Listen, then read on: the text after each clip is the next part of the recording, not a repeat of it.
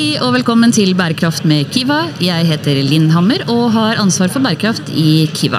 Jeg sitter her i dag på OTD Energy, eh, offshore-messen, altså messen for leverandører, eh, her i Stavanger. Og jeg har med meg Svein Håkon Fjelltun, som er daglig leder i Offshore Qualific.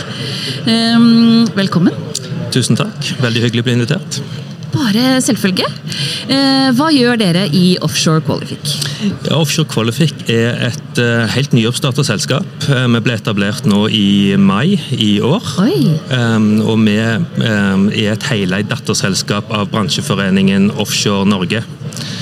Um, og vi er bransjens eget selskap for leverandørkvalifikasjon og revisjonstjenester. Så selv om selskapet er nytt, så er tjenestene vi har med oss, eh, har en lengre historie. Så de har eh, tidligere vært en del av samhandlingsløsningene som Offshore Norge har, og som er profilert som Collaborate. Og en lengre historie tilbake til en egen forening som heter EPIM. Ja. Som operatørene hadde i fellesskap på norsk sokkel. Ja. Og hva er det dere gjør? Eh, tjenestene våre Vi har en digital portal for leverandørkvalifisering. Eh, der registrerer leverandører seg og deler data knytta til seg og sine kapabiliteter. Mm. Og denne databasen, portalen, bruker da kjøperorganisasjoner til å søke, kvalifisere og identifisere leverandører som de kan bruke i sin verdikjede. Ja. Og så har vi i tillegg en, en rekke ulike revisjonsordninger som vi har på vegne av fellesskapet. Eh, vi har bl.a. en revisjonsordning hvor vi er ute og besøker eh, en rekke leverandører og reviderer de i henhold til styringssystemer, HMS. Eh, vi har en revisjonsordning spesifikt på menneskerettigheter. Eh, og vi har revisjonsordning knytta til sikring og sikringsavtaler eh, for leverandører som pakker og blomberer last som skal ut offshore. Ja. Og Den siste revisjonsordningen vi har med oss, er en revisjonsordning hvor vi fasiliterer revisjonene av helikopteroperatørene på ja. sokkelen. Ja. Veldig viktige oppgaver. Ja. ja. Og da, Hvordan fungerer det da? Er det sånn at uh, selskapene som er med i ordningen, de spiller inn til dere hei, vi vil revidere disse selskapene med disse spørsmålene? Eller er det noe standardisert opplegg? Ja, du kan si På den største revisjonsordningen som vi har, som er knytta til disse styringssystemrevisjonene, ja. så ligger det til grunn et spørreskjema som alle leverandører som registrerer seg i denne digitale portalen, Mang mm. må fylle ut. Ja. Eh, og den, den, Det spørreskjemaet er utvikla av bransjen sjøl. Ja. Så der sitter det arbeidsgrupper, jobber med dette for å utvikle spørsmålssettinger. Mm. Eh, spørsmålene handler om eh, kvalitet, eh, om HMS, sikkerhet, menneskerettigheter. Ja. Og ytre miljø. Ja. Så hele spekteret av, av, bærekraft dekkes inn i dette spørreskjemaet. Ja. Og det er da dette spørreskjemaet som ligger til grunn for revisjonen i neste omgang. Ja, mm. og da er det, Dette er jo en fin måte å få kontrollert at leverandørene holder, er, opererer i tråd med det de har sagt at de skal gjøre. Dekker flere områder. Eh, men hvordan, hvordan, går man da videre fra at man har på en måte et spørreskjema? Hvordan fungerer dette i hverdagen? I praksis i forhold til revisjonshåndteringen så har da eh, operatørene i fellesskap etablert et felles revisjonsprogram. Ja. Så En gang i året så har vi en nominasjonsprosess. Ja. Um, så Da kan alle de operatørene nominere inn de leverandørene som de anser er kritisk. Ja. Uh, de kan da identifisere eller identitere hvilke selskaper og hvilken kritikalitet de har. Mm. Så er det en utvelgelsesprosess hvor en lander ned på et endelig antall revisjoner på neste års program. Ja. Da er det, Når det er en sånn type utvelgelsesprosess og kriterier, hva er de typiske liksom, kritikalitetene som kan være? Det kan jo det, det, det er jo litt opp til det enkelte selskapet hvilken leveranse er det denne leverandøren har til meg, som ja. ligger til grunn. Så det er jo en risikovurdering den, den kunden har av den leverandøren, som ja. er utgangspunktet. Ja. Eh, men mye går jo naturligvis på, på HVS, eh, sikkerhet. Eh, noe går på kritikalitet i forhold til leveransesikkerhet. Og andre ting som de f.eks. kan ha identifisert i sitt kundeforhold til den leverandøren. Og Da er det satt opp et revisjonsprogram for året, og jeg regner med at det da er ulike aktører som reviderer i henhold til eh, de oppsatte spørsmålene? Ja, så vi har, vi har inngått rammeavtaler med revisjonsselskaper som Ja. utfører disse for oss. Um, og de, de er da trente i henhold til denne revisjonsprotokollen. Ja. Uh, og følger den uh, sånn at revisjonene blir gjort uh, likt, uavhengig av hvilken revisor som er ute og gjør eh, revisjonene. Ja, for det er et viktig spørsmål, eller viktig, viktig å legge det at alle som skal revidere leverandørene, har da samme måte å gjøre det på. Akkurat samme måte å gjøre det på. Det er et samarbeid med operatørene som bestemmer revisjonsprotokollen som ligger til grunn. Ja. Og så har man eh, gjort revisjonene. Er det sånn at man, eh, er det en skrivebordsrevisjon, eller er det en onsite, on-site, altså man reiser ut til leverandørene? Eh, Revisjonen starter med å gå gjennom noen nøkkeldokumenter, eh, og naturligvis òg egenbesvarelsen som leverandøren har gjort i yeah. Magnet EQS. Eh, Der har leverandøren skåret seg sjøl òg på disse samme temaene. Mm.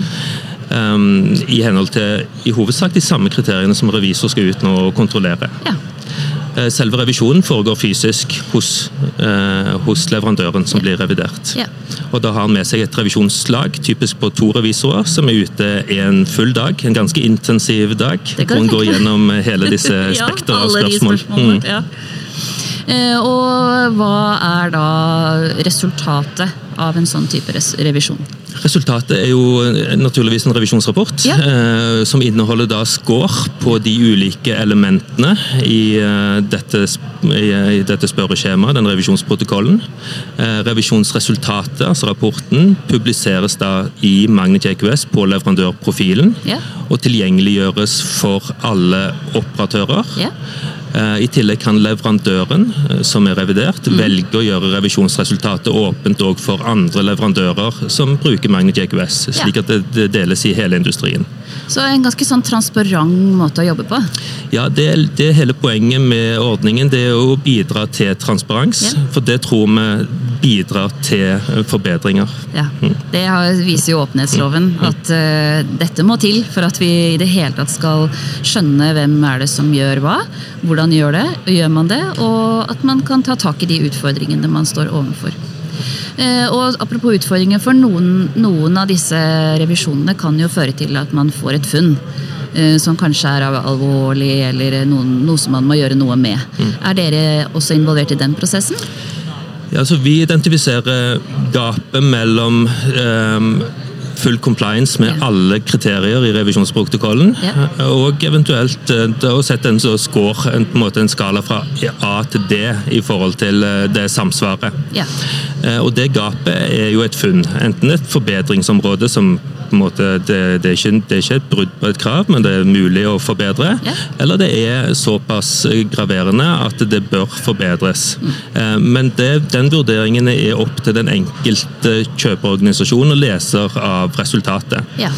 Sånn Så de gjør selve oppfølgingen? så, så Den normale oppfølgingen er gjennom kundeforholdet leverandøren som er revidert, har med sine kunder. Ja, ja. Eh, Men selve, selve resultatet av en oppfølging kan òg deles i løsningen. Ja. Nettopp for igjen å skape den transparensen, litt for å dokumentere at ja, jeg hadde et funn på en Ja. revisjon, men jeg har forbedret dette eh, nå. Ja.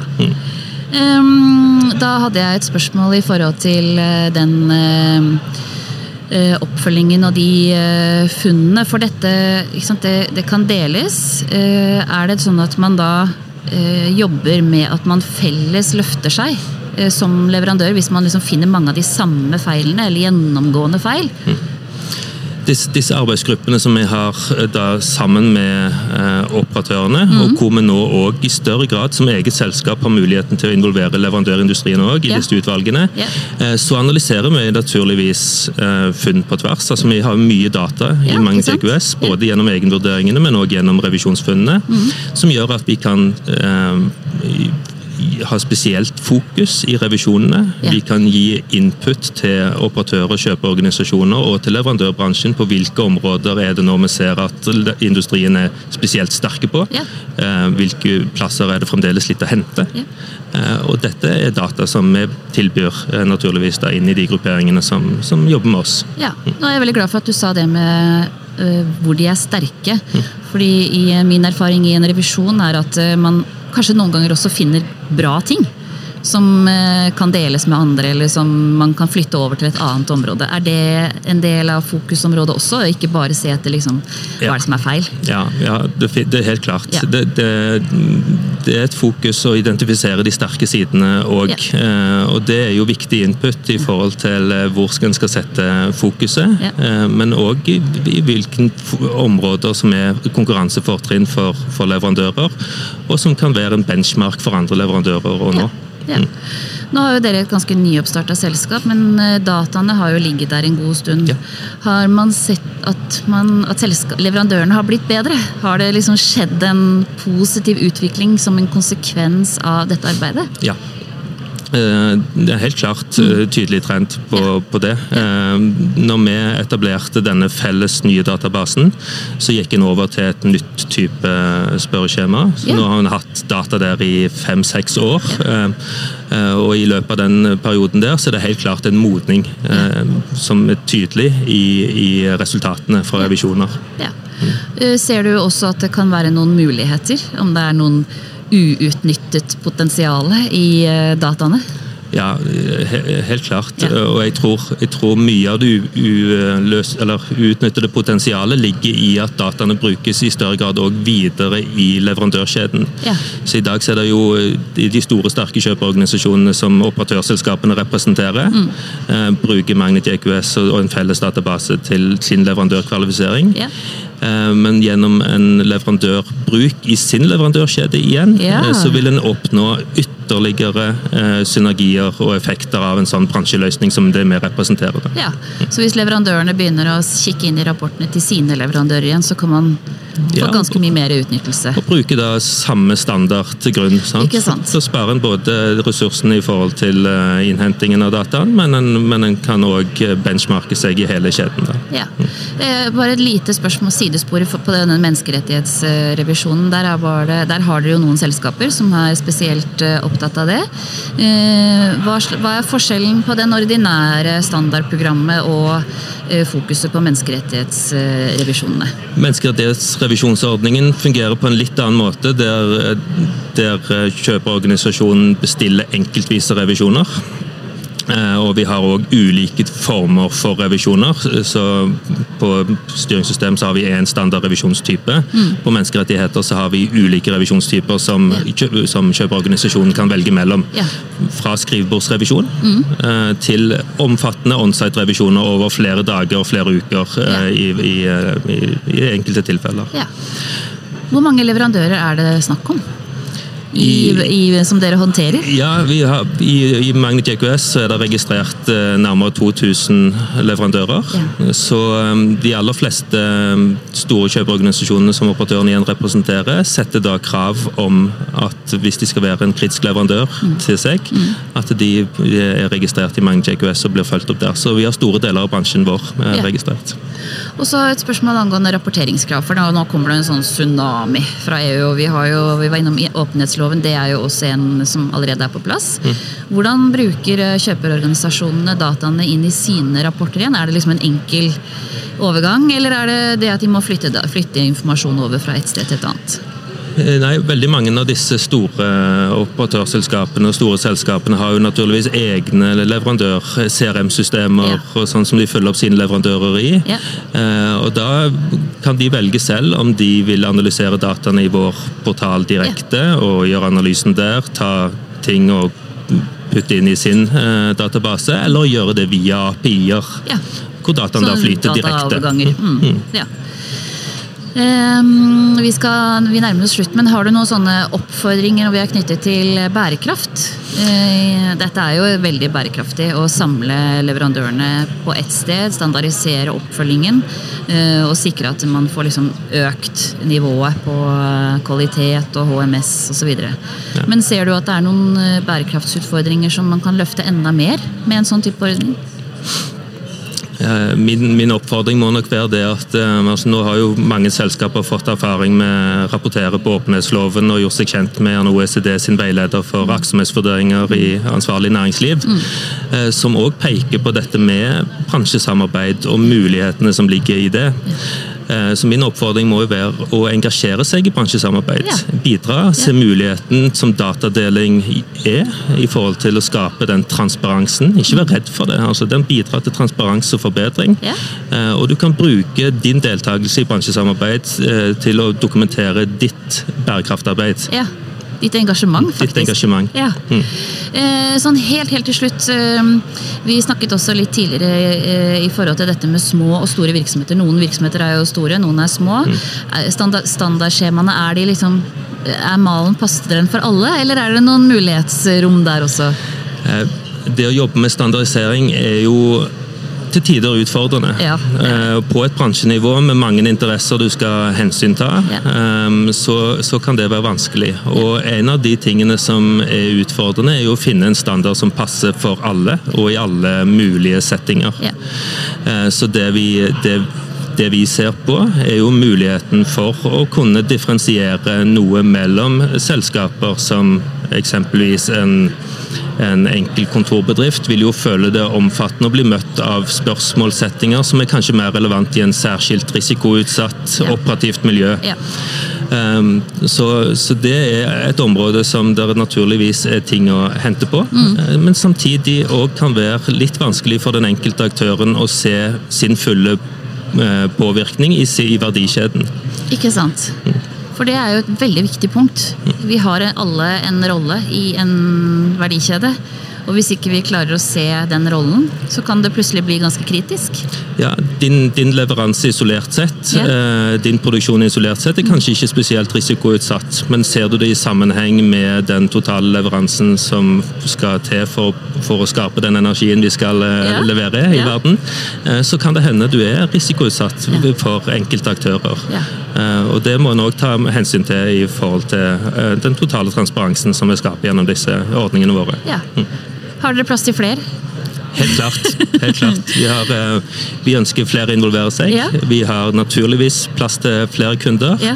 eh, Og bare oppfordre til at eh, selskaper som mener noe om innholdet, Ja. tar kontakt og engasjerer seg i dette som er bransjens felles løsning. Ja. Svein Håkon, tusen takk for at du kom og besøkte oss her på OTD Energy-messen. Takk. Veldig hyggelig å komme. Takk.